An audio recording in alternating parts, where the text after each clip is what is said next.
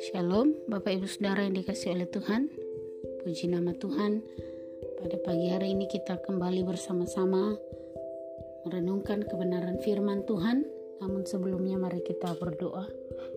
Bapa di surga kembali kami menaikkan ucapan syukur kami kepadamu Tuhan.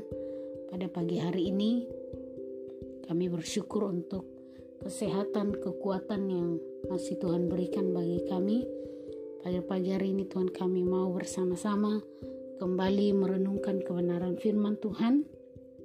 Biarlah firman-Mu ini berbicara kepada setiap kami, firman-Mu menjadi kekuatan bagi kami dan kami semakin hari semakin mengenal Tuhan, semakin bertumbuh di dalam kasih Tuhan. Terima kasih Bapak yang baik. Kami mengucap syukur di dalam nama Yesus. Haleluya. Amin.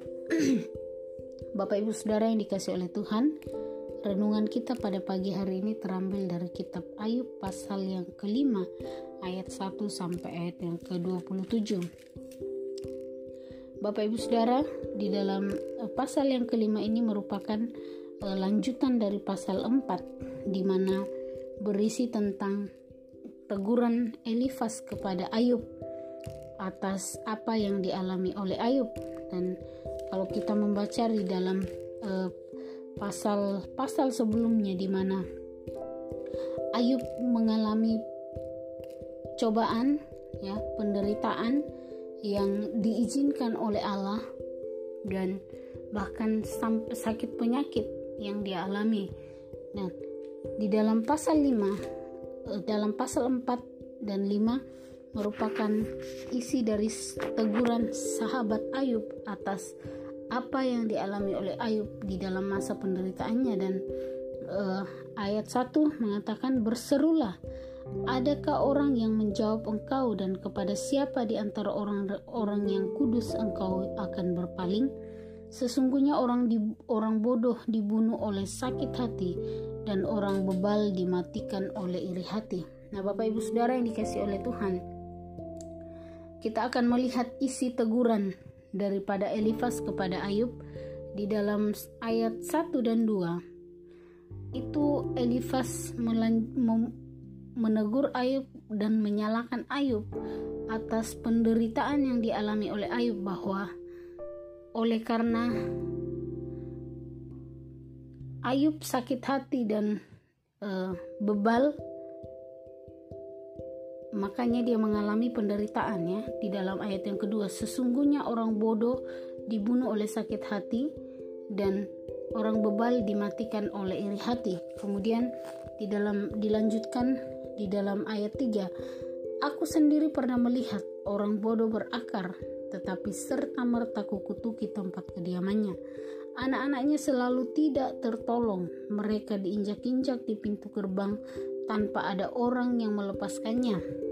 Apa yang dituainya dimakan habis oleh orang-orang yang lapar, bahkan dirampas dari tengah-tengah duri, dan orang-orang yang dahaga mengingini kekayaannya, karena bukan dari debu terbit bencana, dan bukan dari tanah tumbuh kesusahan, melainkan manusia menimbulkan kesusahan bagi dirinya sendiri, seperti bunga api berjolak. Nah, di dalam uh, ayat 3 sampai ayat yang ketujuh ini kita melihat bahwa isi teguran Elifas kepada Ayub itu didasarkan kepada pengalaman Elifas di dalam ayat ketiga dia mengatakan aku sendiri pernah melihat orang bodoh berakar tetapi serta merta kukutuki tempat kediamannya kemudian dilanjutkan di dalam ayat yang ke-8 tetapi aku tentu aku akan mencari Allah, dan kepada Allah aku akan mengadukan perkaraku. Ia melakukan perbuatan-perbuatan yang besar dan yang tak terduga, serta keajaiban-keajaiban yang tak terbilang banyaknya. Ia memberi hujan ke atas muka bumi dan menjatuhkan air ke atas ladang ia menempatkan orang yang hina pada derajat yang tinggi dan orang-orang yang berduka cita mendapat pertolongan yang kuat. Ia menggagalkan rancangan orang yang cerdik sehingga usaha tangan mereka tidak berhasil. ia menangkap orang yang berhikmat dalam kecerdikannya sendiri sehingga rancangan orang yang berbelit-belit digagalkan. Pada siang hari mereka tertimpa gelap dan pada hari pada tengah hari mereka meraba-raba seperti pada waktu malam. Tetapi ia menyelamatkan orang-orang miskin dari kedahsyatan mulut mereka dan dari tangan orang yang kuat. Demikianlah ada harapan bagi orang kecil dan keculangan tutup mulut. Bapak Ibu Saudara yang dikasih oleh Tuhan, kita melihat di dalam ayat 8 sampai ayat 16. Teguran Ayub didasarkan kepada dia menjadikan dirinya sebagai contoh. Di dalam ayat 8 dia memulai dengan tetapi aku tentu aku akan mencari Allah dan kepada Allah aku akan mengadukan perkaraku. Kemudian dalam ayat 17 sampai ayat yang ke-27. Sesungguhnya berbahagialah manusia yang ditegur Allah. Sebab itu janganlah engkau menolak didikan yang maha kuasa. Karena dialah yang melukai tetapi juga memberi yang membebat. Dia yang memukuli tetapi yang tangannya menyembuhkan pula dari enam macam kesesakan engkau diluputkannya dan dari tujuh macam engkau tidak kena malapetaka. Pada masa kelaparan engkau dibebaskannya dari maut dan pada masa perang dari kuasa pedang dan cemeti lidah engkau terlindung dan tidak usah takut bila kemusnahan datang. Kemusnahan dan kelaparan akan kau tertawakan dan binatang liar tidak akan kau takuti karena antara engkau dan batu-batu di padang akan ada perjanjian dan binatang liar akan berdamai dengan engkau. Engkau akan mengalami bahwa kemahmu aman dan apabila engkau memeriksa tempat kediamanmu, engkau tidak akan kehilangan apa-apa. Engkau akan mengalami bahwa keturunanmu menjadi banyak dan bahwa anak cucumu seperti rumput di tanah dalam usia tinggi engkau akan turun ke dalam kubur seperti berkas gandum dibawa masuk pada waktunya. Sesungguhnya semuanya itu telah kami selidiki.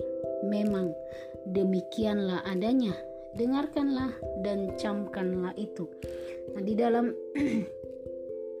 ayat 17 sampai ayat 27 di sini Elifas meminta supaya Ayub bertobat. Yang mengatakan Sesungguhnya berbahagialah manusia yang ditegur Allah, sebab itu janganlah engkau menolak didikan yang maha kuasa. Ya, Elifas meminta supaya Ayub berbalik kepada Allah, berbahagia karena dia ditegur oleh Allah atas dosa-dosa dan pelanggarannya. Dan dia melanjutkan janganlah engkau menolak didikan yang maha kuasa. Ya dia meminta supaya Ayub tidak bebal ya membuka diri.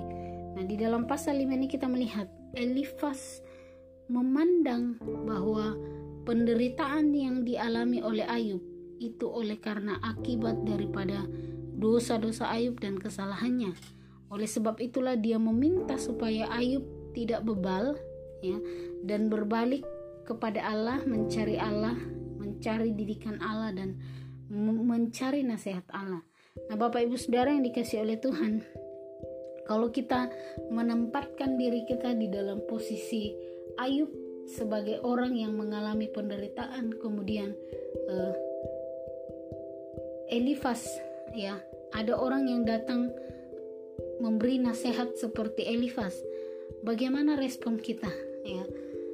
Tentunya apa yang dialami oleh Ayub ya penderitaan yang dialami oleh Ayub dipandang sebagai akibat daripada perbuatan dosanya ya oleh Elifas memandang bahwa penderitaan yang dialami oleh Ayub adalah karena dosa-dosa dan e, kesalahan yang dilakukan oleh Ayub. Nah, Bapak Ibu Saudara yang dikasih oleh Tuhan, kita melihat bahwa Elifas terlalu cepat untuk menghakimi Ayub oleh karena itu Bapak Ibu Saudara di dalam pasal 5 ini hal-hal ada beberapa hal yang perlu kita renungkan. Yang pertama adalah bagaimana kita memandang orang yang mengalami penderitaan.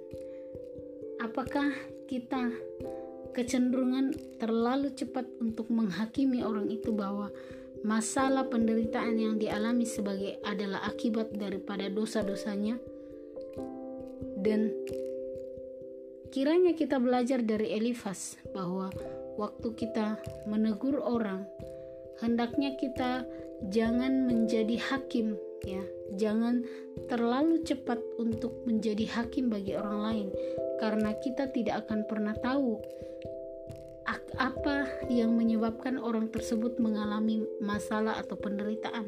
Kita tidak pernah bisa terlalu cepat menghakimi orang karena kita tidak tahu apa akibat dari e, daripada penderitaan yang dialami.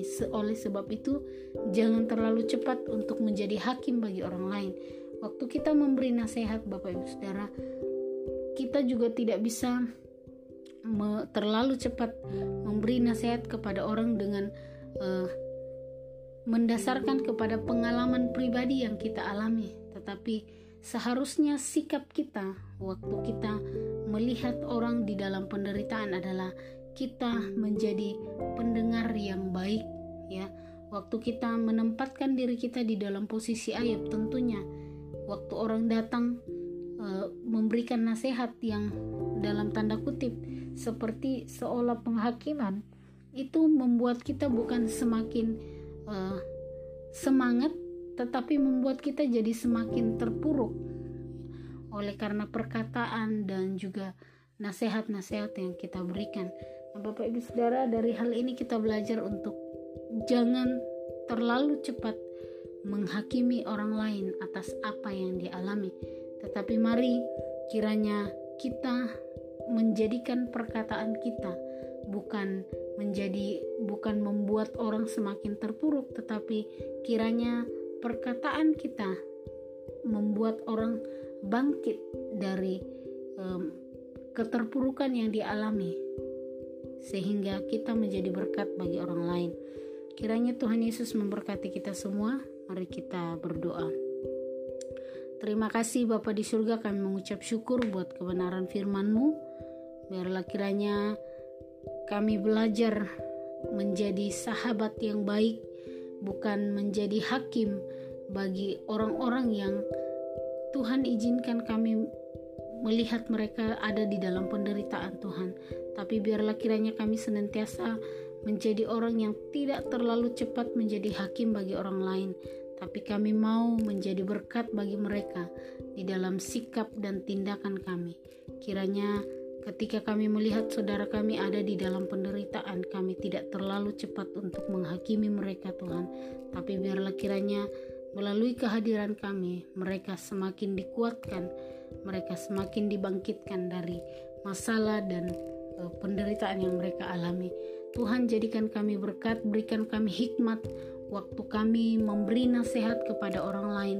Berikan kami hikmat Tuhan supaya kami uh, tidak sembarangan berbicara tetapi biarlah perkataan kami itu menjadi kekuatan bagi orang lain bukan untuk menghakimi dan menyalahkan orang lain atas apa yang mereka alami. Terima kasih Bapa di surga kami mengucap syukur di dalam nama Tuhan Yesus. Haleluya. Amin.